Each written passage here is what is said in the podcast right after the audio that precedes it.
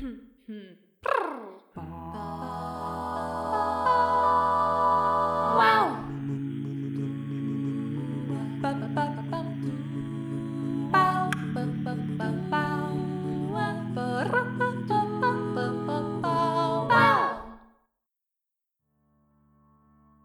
Szia Gergő, hogy vagy, mi újság? Szia Tündi, örülök a lelkesedésednek, köszönöm szépen, jól vagyok, el vagyok, éppen pályázatírás utolsó óráiban Yay! járok, úgyhogy egy kicsit ilyen frenetikus állapotban érzem magam, de azon kívül köszönöm szépen, minden rendben van, csinálgatom a dolgaimat, a hallgatóimmal próbálkozunk méregetni a mumus műszeren, úgyhogy ja, hát mindennapi kutató élet veled. Mi a helyzet, Tündi? Hogy, hogy haladsz? Hogy alakulnak a dolgok? Ja, hát akkor az, az jó hallani, hogy akkor így hát ha mondjuk egy hét múlva már tudunk arról beszélni, hogy akkor be is adod a pályázatot, és mert ugye hallottam sokat felőled, hogy mennyit dolgoztál ezzel. Én egyébként jól vagyok, köszönöm, hát eléggé frusztrált um, vagyok a saját nagy beadandó dokumentumommal kapcsolatban, mert a, a témavezetői banda az húzza-nyúzza, mint a fene. Még mindig ücsörögnek rajta, és akkor most egy hét múlvára tudtunk betervezni végre egy meetinget, ami elvileg arról fog szólni, hogy hogy akkor azt megbeszéljük, és akkor voltak ilyen e-mail váltások, és ö, egyebek, hogy ja jó, egyébként a, odáig jutott a fő, ugye supervisorom, témavezetőm, hogy a, a bevezetést sikerült elolvasnia mindig, az és karrier. akkor azt kezdte nekem, azt, igen, és azt kezdte el nekem széjjel cincálni, hogy még írjam bele ezt, meg legyen benne az, meg ez a, meg egyebek, és akkor jövök vissza, hogy de figyelj, ez most már, ezt nem akarom még így bele, mert egy, három fejezettel később van benne szó, vagy egyébként a, az irodalmi áttekintőben bőven beszélek róla, és máskülönben ne pakoljuk teli a, a bevezetést mindennel, mert szétszedi, és akkor, na mindegy, szóval meg kellett indokolnom, de de és akkor jön aztán hozzám, hogy de figyelj, az legyen benne a, a, a teljes logikai gondolatmenet miatt, de mondom, figyú, az benne van,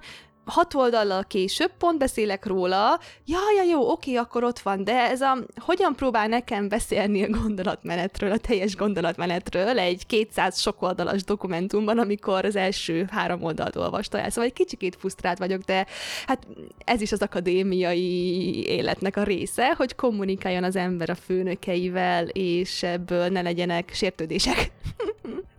Nyilván azért eléggé különleges a helyzeted olyan szempontból, hogy te ezzel a témával már korábban foglalkoztál, ő viszont nem. Ja.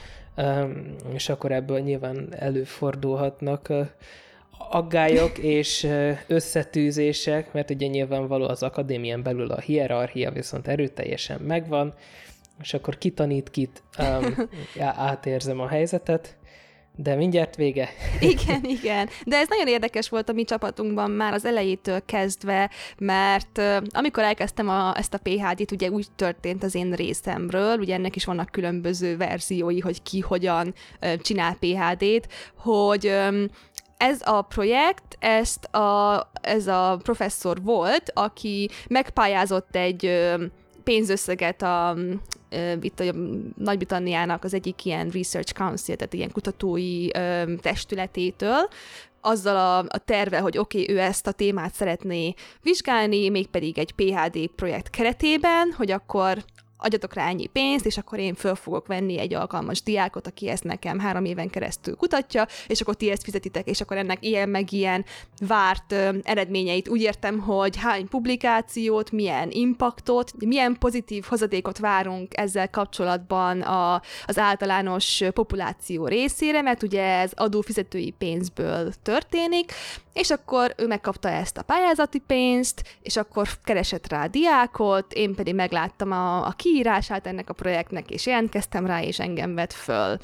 És akkor ez volt az érdekes szituáció, hogy jó, de én egyedül voltam vegyész az egész tanszéken, sőt, még az egész iskolában, mert ez a biológiai iskolának a része. És a tanszék, ahol vagyok, az a biomérnöki, biofizikai tanszék. És akkor egyébként ő ezt a az egész témakört egy olyan kutatócsoportban kezdte el, ő rakta össze a kutatócsoportot, ahol a másod témavezetőm az matematikus, alkalmazott matematikus, a harmad, az pedig neki a szakterülete az endokrinológia, neurobiológia, tehát teljesen biológus. És akkor ott voltam én egyedül vegyész, tehát nem volt meg az a klasszikus felállás, mint régen, hogy ugye még amikor egyetemen voltunk, mint egy mesterszakon, hogy akinek a csoportjában voltam, ő vegyész, fizikai kémikus volt, tehát definíció szerint mindent 60 milliószor jobban tudott, mint én, és én tanultam tőle. És akkor hirtelen abban a helyzetben találtam magamat itt, hogy nem tudok senkihez se fordulni, és nekem kell egyrészt a,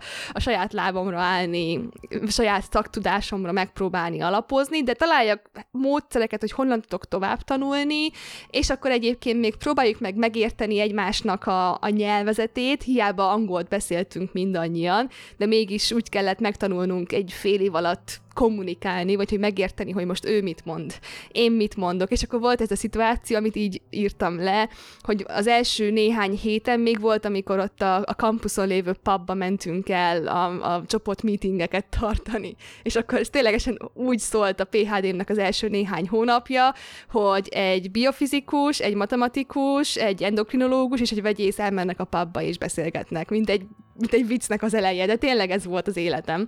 És aztán ez szépen kialakult így a végére már, de hát érdekes tapasztalat. Mindenképpen, tehát ezt én az MSC diploma munkám alatt tapasztaltam nagyon, legalábbis bizonyos tekintetben, mert hogy ugye akkor voltam Svájcban, és meghívást kaptam a nagy teljesítményű kerámiák kutatóintézetébe, ahol én egy cellulóz alapú vírus szűrőt készítettem, tehát hogy olyan rengeteg eh, hozzáfűzni valót nem nagyon kaptam a főnöktől, de nyilvánvaló eh, egyrészt frusztráló tud lenni, hogy eh, akadozik a kommunikáció, viszont amikor nagyon-nagyon eltérő tudományterületekből, vagy tudományterületekről származó emberek kezdenek el együtt dolgozni, akkor olyan rálátásokat tapasztalunk meg másik oldalról, amit nagyon nem Abszolút. szoktunk még meg, és sokat tud segíteni, tehát nekem már eleve rengeteget segített, amikor például egy fizikussal dolgoztam együtt, aki szintén optikával foglalkozik, én ugye a, a kémiai, analitikai oldalról, meg fizikai, kémiai oldalról foglalkozok optikával, és már eleve az, hogy, hogy egy két atom közti kötés rezgését ki hogyan értelmezi, ki hogyan képzeli el, ez már eleve hatalmas különbség volt, viszont olyan sokat tanulhattunk egymástól, és annyival uh, tágabb értelmezése lett aztán a mi közös munkánknak, hogy uh, érdemes néha egy kicsit elfogadni azt, hogy összetűzések is lehetnek ezekből a a diszkusziókban, mert előfordult az, hogy fél óráig vitatkoztunk valamin, és aztán a végén kiderült, hogy tök ugyanazt mondtuk mind a ketten. Klasszikus, igen. És hát ugye igen. ezt hívjuk úgy valamilyen szempontból, hogy ugye interdisciplinaritás, mint különböző tudományterületeken való átívelő munka, vagy más szóval ugye használják még azt is, hogy multidisciplinaritás, amikor több, ugye multi az, az valami sokat jelent, hogy több dolog, több különböző tudományterület van belevonva, hogy ilyen borzasztóan passzív struktúrával fejezzem ki magam, igyekszem szebben magyarul beszélni, de ez miért is egy fontos dolog, hogy most így próbáljam meg ilyen erőtetett módon átvezetni ebből a téma területből a mai epizódunknak a témájára, mert ugye hát milyen évszakon vagyunk túl, itt vagyunk az ősz elején, itt volt mögöttünk most egy nagyon nehéz nyár, abból a szempontból például, hogy az időjárás hogyan megviselt minket, embereket is, az egészségünket is, a sok, a kánikula, hőhullám, egyebek miatt, aztán, hogy ott volt a szárazság kérdése, ami iszonyúan rosszul sújtotta a mezőgazdaságot, és Ugye erről beszéltünk egy, egy néhány hete hónapja volt konkrétan ugye klímával kapcsolatos részünk, de ilyenkor szerintem mindannyiunknak, magunknak bocsátsuk meg azt, amikor így, így szétnézünk a, a a helyzetet tekintve, meg a világban, és így egy ilyen elkeseredés fog el minket, hogy úristen, de borzasztó. Mit tudunk ilyenkor tenni? Ilyenkor el kell kezdenünk, egy módszer lehet, hogy kezdjünk pozitívumokat találni, és ez nem feltétlenül naivitás, vagy a homokba dugjuk a fejünket, hanem ez lehet egy, egy módszer, hogy hogyan küzdjünk meg a szituációval, hogy akkor keressünk megoldásokat, és ezzel kapcsolatban gondoltam, hogy érdemes lenne akkor azt néznünk, hogy a tudomány hol tart ilyesmi szempontból, hogy mit tesz azért, hogy például mezőgazdaság szempontjából mit tudunk tenni a jövőben, mert ugye egy változó világban vagyunk, és akkor találtam arra az érdekes témakörre, hogy akvapónia. És akkor ez nem valami vízi lovak, pónik, akármilyen, ez most egy katasztrofális poén volt, elnézést kérek, hanem nem. Én ezt, ezt rendkívül üdvözlöm. Örülök neki akkor.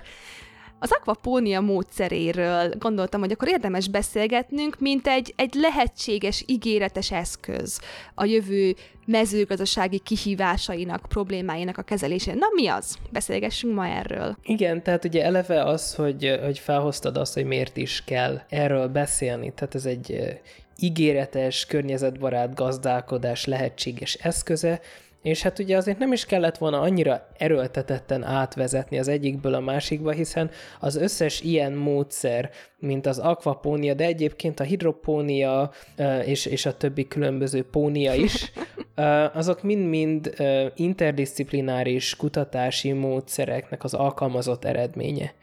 Ugye, hiszen itt beszélünk növénybiológiáról, itt beszélünk uh, környezettudományokról, mindent egybe kell pakolni ahhoz, hogy ezeket meg tudja az ember alkotni. És hát ugye a világ népesség az rohamosan növekszik, ehhez hozzájönnek még ugye az időjárási viszontagságok is, és így egyre inkább közel kerülünk ahhoz a, a ponthoz, hogy nem lesz elég élelmiszer a növekvő népesség táplálására. És hát ugye ez nem az első ilyen eset. Az 1800-as évek végén és az 1900-as évek elején az emberiség akkori tudtán kívül rendkívül közel került ahhoz, hogy egyszerűen elfogy a táplálék. És ennek az oka az volt, hogy ugye egészen addig, mivel táplálták, mivel uh, frissítették folyamatosan a termőtalajt, hát ugye guanóval.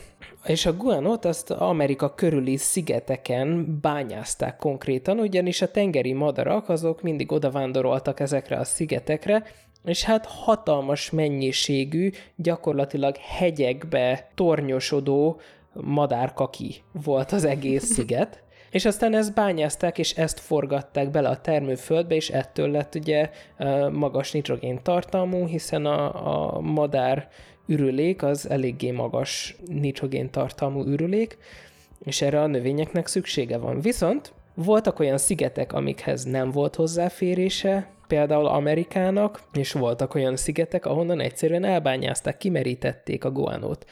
És hát rengetegen próbálkoztak az ammónia szintézisével, viszont ugye, hogyha egy kicsit visszagondolunk az általános iskolás kémia tanulmányainkra, akkor emlékezhetünk arra, hogy a nitrogén az az egyedüli elemi molekula, ami két atom közt hármas kötéssel kapcsolódik.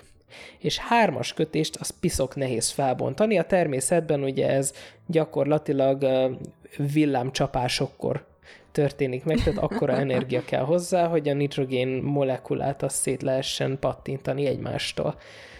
És aztán az 1800-as évek végén, illetve a 900-as évek elején egy Fritz Haber nevű kutató volt az, aki megalkotta Bosch-sal együtt a Haber-Bosch körfolyamatot, Igen. amit a mai napig használunk az ammónia gyártására. Persze azóta finomítottuk, már jobb katalizátort használunk, de hogy ezt hatalmas nyomáson kell elkészíteni, vagy hát hatalmas nyomáson kell az egészet csinálni, ez volt a dolognak a nyitja. És hát ugye Fritz Haber ő egy eléggé ellentmondásos személyiség, róla szokás azt mondani, hogy milliók halálát és milliárdok életét Igen. okozta. Ugyanis ugye az ő nevéhez fűződik az iperni gáz csapásoknál használt uh, vegyi fegyver megalkotása is. Na, de minden esetre ekkor megmenekült a világ az éhínségtől, viszont most, hogy folyamatosan növekszik a népesség megint, előtérbe kerülnek az alternatív gazdálkodási módszerek. És hát ugye nekünk tudósoknak elég fontos küldetésünk van, meg kell találnunk egy olyan módszert, amelyel több élelmiszert lehet előállítani anélkül, hogy a környezetet terhelnénk. Ugye a hagyományos gazdálkodási technikák eléggé sokféleképpen tudják károsítani a környezetet, ugye a természeti erőforrásokat károsíthatják, és egészségügyi kockázatot is jelenthetnek az emberekre és az élővilágra nézve, gondoljunk csak a túlpermetezés módszerére. És hát az aquaponia nevű technika például egy tök jó megoldást jelenthet erre a problémára. A szó maga aqua része, az az akvakultúrából származik, amely a halak, garnélarákok, algák és más vízi állatok tenyésztését jelenti, a pónia rész az pedig a hidropóniából származik, ami a növények termesztését jelenti vízben, talaj nélkül. És az akvakultúra és a hidropónia, vagy hidropónika, ugye mind a kettő kifejezést használják felcserélhetően, ezek külön-külön is léteznek, viszont ha egyesítjük őket, akkor megkapjuk ezt az akvapóniát. Igen, pontosan. És ugye még csak egy apróságot, hogy hozzátegyek így ahhoz, amit így mondtál Haber munkásságával kapcsolatban, illetve az, hogy mint amit, ami nekem inkább a, ami miatt azt gondolom, hogy az ilyen technológiákat iszonyúan kell keresnünk és fejlesztenünk, mert ugye nem csak arról van szó, hogy például növekvő populációt ellássunk jó minőségű, elegendő élelmiszerrel, hanem, ahogy ugye mondtuk, a klímaváltozás miatt a már eddig egyébként bevált módszerek, azok bukni fognak sajnos a jövőben sok földrajzi területen. Tehát hiába volt az, hogy volt egy, egy jól kialakult módszer, ami működött, és ez teljesen rendben van, de el kell fogadnunk azt a tényt, hogy ez, ez nem fog működni nagy valószínűséggel a jövőben, és ezért érdemes nagyon belefektetnünk munkát az ilyesmi módszerek kidolgozásába.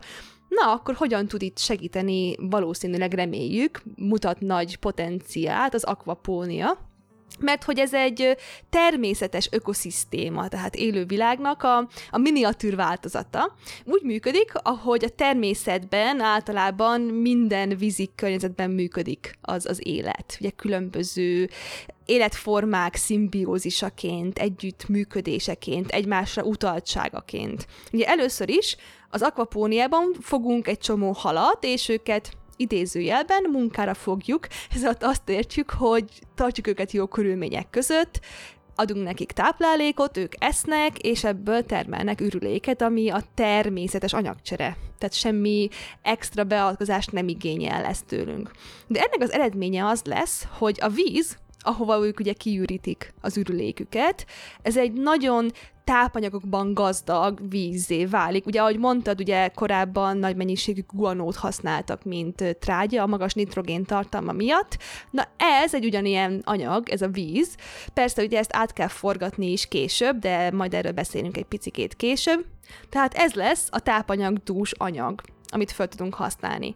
Ehhez még jönnek hozzá baktériumok, mert ugye a baktériumok a halak ürülékét a növények növekedéséhez tökéletes trágyává alakítják, és aztán a növények a gyökereikkel felveszik ezt a trágyát, és egyébként ezzel együtt megújítják, megtisztítják a vizet, mert ugye kivonják belőle azt az anyagot, ami nekik a hasznos tápanyag, de hogyha túlságosan földúsulna a vízben, az ugye a halaknak káros lenne, sőt mérgező. És ezt a tiszta vizet aztán ugye fel lehet használni újra, visszaforgatva a hal tenyésztéshez, és így kapunk egy szép körforgást, ami újra és újra megújul. Tehát az akvapónikus rendszerekben a halak, a növények és a baktériumok azok egy nagy csapatként dolgoznak együtt, és ezt teszi lehetővé a gazdálkodók számára, hogy kettő élelmiszer terméket, a halakat és a zöldségeket, vagy ugye a növényeket, amiket termesztenek, azokat egyszerre állítsák elő, és ugyanannyi víz felhasználásával, ez az egyik kulcspont, mint amennyit normál esetben csak az egyik termék előállításához használnának. Ugye ebben a zárt ciklusban, ugye bezárjuk a ciklust, a vizet azt mindig visszaforgatjuk, a víz emiatt nem vész kárba, és a környezetbe jutó szennyvíz szinte nulla egy ilyen rendszerből, ami egy eszméletlenül fontos pont. Igen, tehát azért nyilvánvaló a, a minden nemű hulladéktermelést ugye igyekszünk fenntarthatóság szempontjából minimumra csökkenteni, ezért tök jó dolog a komposztálás is, ugye, stb. Tehát ugye ezekkel mind-mind segíthetjük a földünk tartalékainak kimerítése ellen folyó küzdelmet, de jó kifejezés volt ez. Igen. még ha kicsit lassan jött is. És hát ugye az akvaponia ötlete egyébként ne higgyük azt, hogy ez, ez most tőlünk származik, és a, a 21. században ugrottunk ezzel előre. Tehát ennek az ötlete meglehetősen régi. Az első formáit kb. 1500 évvel ezelőtt alkalmazták már Dél-Kínában, Indonéziában és Tájföldön is. Az ottani gazdák ugyanis rizs termesztettek a rizsföldeken, amelyekben halak is voltak, és hát ugye, ahogy az előbb is mondtad, a halak ürüléket rágyaként szolgált a rizsnövények növekedéséhez. Aztán 500 évvel később egy közép-mexikói lakosság feltalált az akvapónia egy másik formáját, ez a nép, amiket úgy ismerünk, mint az asztékok, egy nagy birodalmat hoztak létre, és ez a birodalom, ez Tenochtitlán főváros, ami a Texcoco partján épült, ez egy tó, és ezen a vizes élőhelyen az asztékok nem rendelkeztek ugye termékeny földekkel, náluk viszont az élelmiszer termesztés az ugye még eléggé eszenciális volt, tehát nem tudtak nagyon importálni, ezért tóban úszó kerteket úgynevezett csinámpákat építettek. Ezek az úszó szigetek iszabból és szárított növényi maradványokból készültek, és a csinámpákon a földművesek kukoricát, tököt, paradicsomot és más növényeket termesztettek. A növények a tó vizéből tudták felvenni a tápanyagokat, amely ugye gazdag volt szintén ezekben a szerves anyagokban, mint például a halürülék, vagy egy kicsit ugye az elbomló vízben lévő növényeknek a a maradványa és a többi. És hát én, én mindig nagyon jókat szoktam uh, mosolyogni azon, hogy ugye egy csomó nagyon magyar kuriózum étel van, mint ugye a paprikás krumpli, vagy akár csak menjünk egy kicsit másik irányba, ugye ezek a, a paradicsomos húsgombóc, meg ilyesmi, amiket ugye nagyon szoktunk mondani, de hogy például ugye um, ott van Mátyás király ősünk, a, a nagy magyar király, aki életében nem ehetett egy jó paprikás krumplit, mert se paprika, se burgonya nem volt még akkor ugye Európában. Úgyhogy, és ez ugye a kukoricáról jutott eszembe, hogy ugye a, az asztékoktól származik Európában a kukorica, tehát onnan lett behordva annó, amikor a hódítók, nevezzük csak így őket, ők visszajöttek, és ugye hozták magukkal azt, amit ott találtak. Igen, az élelmiszer migráció, tehát az, hogy hogyan jutottak bizonyos élelmiszerek, és mikor jutottak Európába és hozzánk, ez rendkívül egy érdekes téma, most hirtelen arra gondoltam, hogy ennek utána kéne nézni, és erről csinálni majd epizódot, epizódokat, mert kicsikét, persze most az van, hogy itt van körülöttünk, mondjuk az utóbbi, teszem azt 20 évbe, jöttek be Európába egzotikus gyümölcsök, tehát például én emlékszem, hogy kiskoromban fogalmam sem volt róla, hogy mi az a marakuja, pomelo, nem tudom, még jó pár ilyen gyümölcsöt, zöldséget mm. sorolhatnánk. Én például képzeld el, hogy a most héten azt hiszem vettem először kivi bogyót. Micsoda? Azt mi nem hallottam. És tök jó az egész. Tehát konkrétan egy ilyen, hát cseresznyényi bogyót képzelj el, és anélkül, hogy meghámoznád, berakod a szádba, ráharapsz, és kivi, és tök jó. Úgyhogy én úgy érzem, hogy eljutottunk a, a csúcshoz, itt meg kell állni, létezik kivi bogyó, nem kell meghámozni, és tök finom. Na hát ezt meg kell keresnem, rá kell keresnem majd. De igen, tehát mondjuk úgy, hogy a most a mi életünkben is mondjuk az utolsó húsz évben volt egy ilyen, egy, egy érdekes élelmiszer forradalom, hogy mondjuk úgy. De ahhoz képest azt hiszem, most lehet, hogy teljesen marhaságot mondok, ezért elnézést kérek, mert így nagyjából emlékszem vissza, de olvastam ilyesmiről, hogy tehát például 100-150 éve, hogy terjedtek élelmiszerek, illetve hogyan változtak az élelmiszerek, mint bizonyos zöldségek, hogy hogyan ugye nemesítették és tették um, nagy mennyiségben termelhetővé. Azt hiszem a, a répával kapcsolatban volt egy ilyen érdekes um, részlet, amit láttam, olvastam valahol, hogy az, a répa az még régen lila színű volt. Uh-huh. És akkor addig változtatták, nemesítették, vagy elkezdték azt a verziót termeszteni nagyobb mennyiségben, amelyik narancssárga.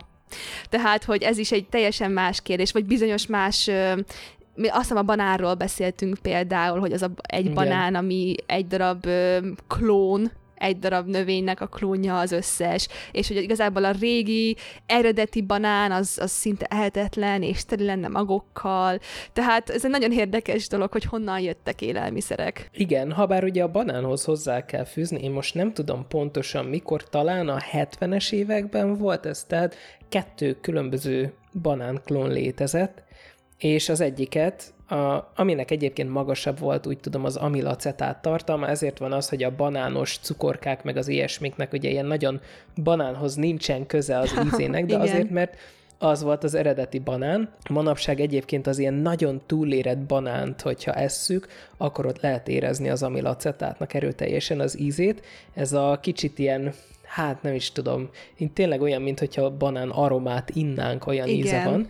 Minden esetre ezt a, az első számú klónt, ezt megtámadta egy fertőzés, és a világon mindenhol. Puty ennyi volt, annak a banánnak lőttek, és ugye pont ezért nagyon veszélyes, nem igazán fenntartható gazdálkodás. Maga a banántermesztés, mert hogyha egy banán ültetvényen az egyik növény megtámadja valami kórokozó, akkor arra az összes többi növény ugyanannyira fogékony lesz, mivel hogy ugyanaz a növény, konkrétan genetikailag beszélve. Igen, abszolút. Viszont ehhez meg, amikor banán aromáról beszélünk, én kénytelen vagyok akkor ezt hozzátenni, ami nekem a, az igazából a, a vegyész szakunknak az egyetlen olyan negatív kimenetele, ami úgy befolyásolta az életemet, hogy nekem van egyetlen egy vegyszerszag, amit azóta nem viselek el, és az pedig az ecet szag. És mégpedig azért... Emlékszem. Éppen, mégpedig az amilacetát, vagy egyébként más néven izopentilacetát előállítása, mert hogy egyik szerves kémia laboron mi ezt elvégeztük, hogy konkrétan csináltunk a laborban banánaromát. De ezt úgy kellett elkészíteni, az egyik kiinduló vegyszer az jégecet volt, ami az az extrém, extrém, extrém, extrém, extrém koncentrált sűrű ecet. Tehát nem, még nem is a 20%-os piros kupakos ecet, ecet, amit tudunk venni a boltban, hanem még annak szokszorosa. A leggusztustalanabb ecet szag, és látom, Gergő, most nagyon jót nevetsz azon, de ez nekem az utóbbi 5-6 év óta, sőt már régebb óta, mióta ez a, ez a labor gyakorlat megtörtént, ez azóta traumatikus élmény, mert az az élmény, hogy ez a leggusztustalanabb ecet szag ilyen szépen lassan így átformálódik, és átmegy ebbe a műbanán, idé, idézőjelesen műbanán, banán aroma illatba, ez egy életre szóló élmény. Hmm, hát látszik, hogy nem dolgoztam még piridinnel soha. Jó, oké, lehet. Tudom, hogy vannak rosszabbak, de érted, ugye sokan nem szeretik a halogén tartalmú, a tisztítószereknek ez a fertőtlenítő szaga, én abba beleszagolok, persze nem közvetlenül és nem nagy mennyiségben, hanem csak megcsap például tisztítás, takarítás után, és így otthon érzet. Hát igen, azért ezek eléggé mély uh, sebeket tudnak ejteni az emberben. Ugye nekem a, a amint mondtam, ugye a piridin volt ilyen, um, a, a másik az meg a kénhidrogén, ugye ez az, ami szétpukkasztja a záptojást, mert nekem kétszer is volt szerencsém enyhe kénhidrogén mérgezést kapni, és azóta nem, nem, nem, nem jó dolog. De azért térjünk egy picit vissza ugye még a történetére ennek az akvapóniának. Ugye a koncepciója maga az ősi, a kutatók azok viszont csak a 70-es években fedezték fel újra az ebben rejlő lehetőségeket, és napjainkban már igen fejletté vált és fenntartható megoldást kínál a mezőgazdaság számára, amely csökkenti a természeti erőforrások felhasználását és ugye akár 90%-kal kevesebb vizet tud használni, mint például a hagyományos mezőgazdaság, és a növények sokkal gyorsabban is nőnek benne. Emellett pedig csökkenti a traktorok és a szántóföldi vegyszerek használatából származó szennyező anyagokat is, és ezek a rendszerek a szabadban, illetve beltéri üvegházszerű környezetben is telepíthetők, és a beltéri rendszerek például egész évben lehetővé teszik az élelmiszertermesztést, ez nagy előny tud lenni olyan területeken, ahol az éghajlat nem kedvező a mezőgazdaság számára, például olyan helyeken, ahol alacsony a hőmérséklet, rövid a napfényes időtartam, illetve nincs eső vagy édesvíz az öntözéshez. Igen, pontosan. Na és akkor még így utolsó résztémaként, akkor beszéljünk arról egy picikét, hogy milyen főbb típusai vannak az akvapóniának, tehát hogyan valósítható ez meg a gyakorlatban. Három fő akvapónikus rendszert ismerünk, illetve azok, amik használatban vannak manapság is, már sok helyen. Az első fajtát azt úgy hívhatjuk bizonyos szempontból, hogy tutajos akvapónia, tehát a növényeket valamilyen a víz felszínén úszó tutajra, vagy valamire ö, rakjuk rá, és ott termesztjük őket. Ugye a tutajok a haltenyésztésből származó vízzel töltött tartályokban közvetlenül ott úsznak a víz felszínén, és a növényeknek a gyökerei azok belemerülnek a vízbe, ahol fel tudják venni a halak ürülékéből származó tápanyagokat. Ez a módszer egyébként leginkább olyan kis méretű növények termesztésére alkalmas, mint salátanövények, bazsalikom, spenó, tehát ilyesmi növények számára ez eléggé alkalmas tud lenni. Aztán a második típus, azt úgy hívjuk, hogy szubstrátos akvapónia, ahol a növények egy ilyen szubstrátumban, tehát egy ilyen talajt utánzó szerkezetben nőnek. Ugye ez kicsikét hasonlít arra, amit az asztékok csináltak, hogy ugye ilyen növényi maradványokból, egyebekből készítették el ezeket az úszó egységeket, amin a növények nőni tudnak, és ez az ajzat, ez a substrátum, ez meg tudja tartani a növényeknek a gyökereit, és ugye segíti még a baktériumokat is, hogy a, a vizet szűrjék, és a növények ki tudják vonni a megfelelő tápanyagokat. Ez a fajta rendszer egyébként mindenfajta növénytípushoz alkalmas, de a leggyakrabban ilyesmihez használják, hogy káposzta, brokkoli, hagyma, édeskömény, sárgarépa, paradicsom, paprika, uborka, bab, borsó, tök, dinnye. Most egyébként már megint kezdek éhes lenni. Ez ilyenkor, ez a baj, ja. amikor ilyesmi részről beszélünk, hogy mindig így soroljuk a finomnál, finomnál finomabb kajákat. Tudom, én tehetek róla. Én nem, én nem is vádoltam senkit, csak megigyeztem, hogy valamit muszáj valami apróságot nassolni, ha ennek vége. És akkor aztán az utolsó, harmadik fajta, amit itt említünk, az a csatornás akvapónia, amikor a halaktól származó víz az ilyen keskeny, nyugakkal ellátott csöveken keresztül folyik, és ezekbe helyezik a növényeket. A gyökerek a csövekben lévő vízáramba merülnek, ahol felvehetik a halak ürülékéből származó tápanyagokat, és ez a termesztési módszer, ez jól működik olyan növények esetében, amelyeknek kevés támasztékra, tehát kevés ilyen alapzatra van szükségük. Ilyenek például az eper, leveles zöldségek, fűszernövények, és ez a fajta akvapónia, ezt egyébként a helytakarékosság érdekében még akár függőlegesen is el lehet helyezni, tehát szintén másfajta módon tudunk kihasználni tereket, hogyha ha így helyezünk el csöveket. Tehát ugye például ugye most gondoljunk bele egy klasszikus mezőgazdasági, egy mezőbe, ahol csak ugye egy rétegben a földön tudunk művelni és termelni növényeket. Az akvapóniának ez a fajtája, ez lehetővé teszi, hogy ilyen szép, függőleges, vertikális tornyokat építsünk bizonyos magasságokig, és úgy termeljünk növényeket, tehát rögtön ad más lehetőségeket, hogy más módon termeljünk élelmiszert. Na és akkor még egy utolsó pár mondata az akvapóniának a másik részéről, ugye, mint ahogy megbeszéltük, ugye van a növénytermesztési része, és van a hal tenyésztési része, mert hogy számos különböző halfajta felhasználható ilyen akvaponikus rendszerekben. Ugye ezek teletnek kis vagy nagy halak, ehető halak vagy díszhalak. Ez egyébként a, a teljes rendszernek a végső céljától függ. A leggyakoribb halfajok közé tartoznak egyébként jelenlegi öm, rendszerekben, ahol akvapóniát alkalmaznak.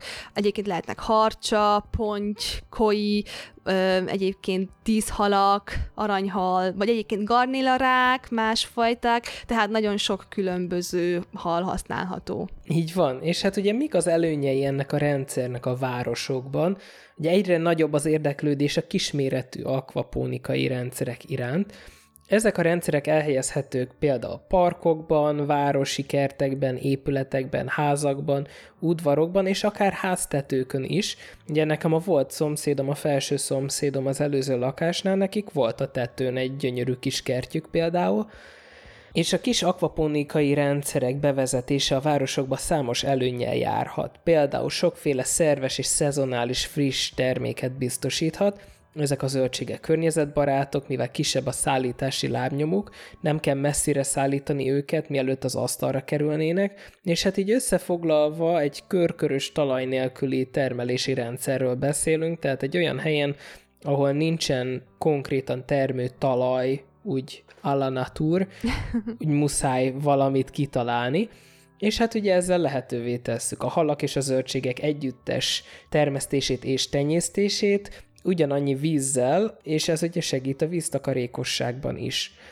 Nyilvánvaló vannak azért olyan megfontolások, mint például a városban termesztett növény, az vajon mennyire egészséges, stb., de ezek a rendszerek konkrétan bent is termeszthetők, tehát ténylegesen bent is használhatók, tehát ténylegesen üvegházakban például, és azért egy üvegházban ott eléggé jól lehet akár a levegőt is szűrni, például ugye, hogy a, a különböző porokat kiszűrjük a levegőből.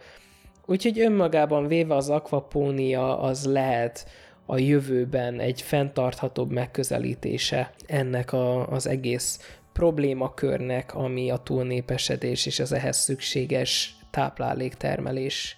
Igen, pontosan. Szóval szerintünk ez egy ígéretes módszer, amit úgy érdemes figyelemmel követni, vagy egyébként, ha valakinek kedve támad, nyugodtan nézzünk utána, hogy hogyan lehetne egy akvapónikus rendszert tényleg a, kertünkben összerakni, mert lehetséges. És ugye arról beszéltünk, ugye már Gergő, is említetted többször, hogy milyen élmény az embernek otthon termesztenie csak akár egy néhány kis zöldségnövényt.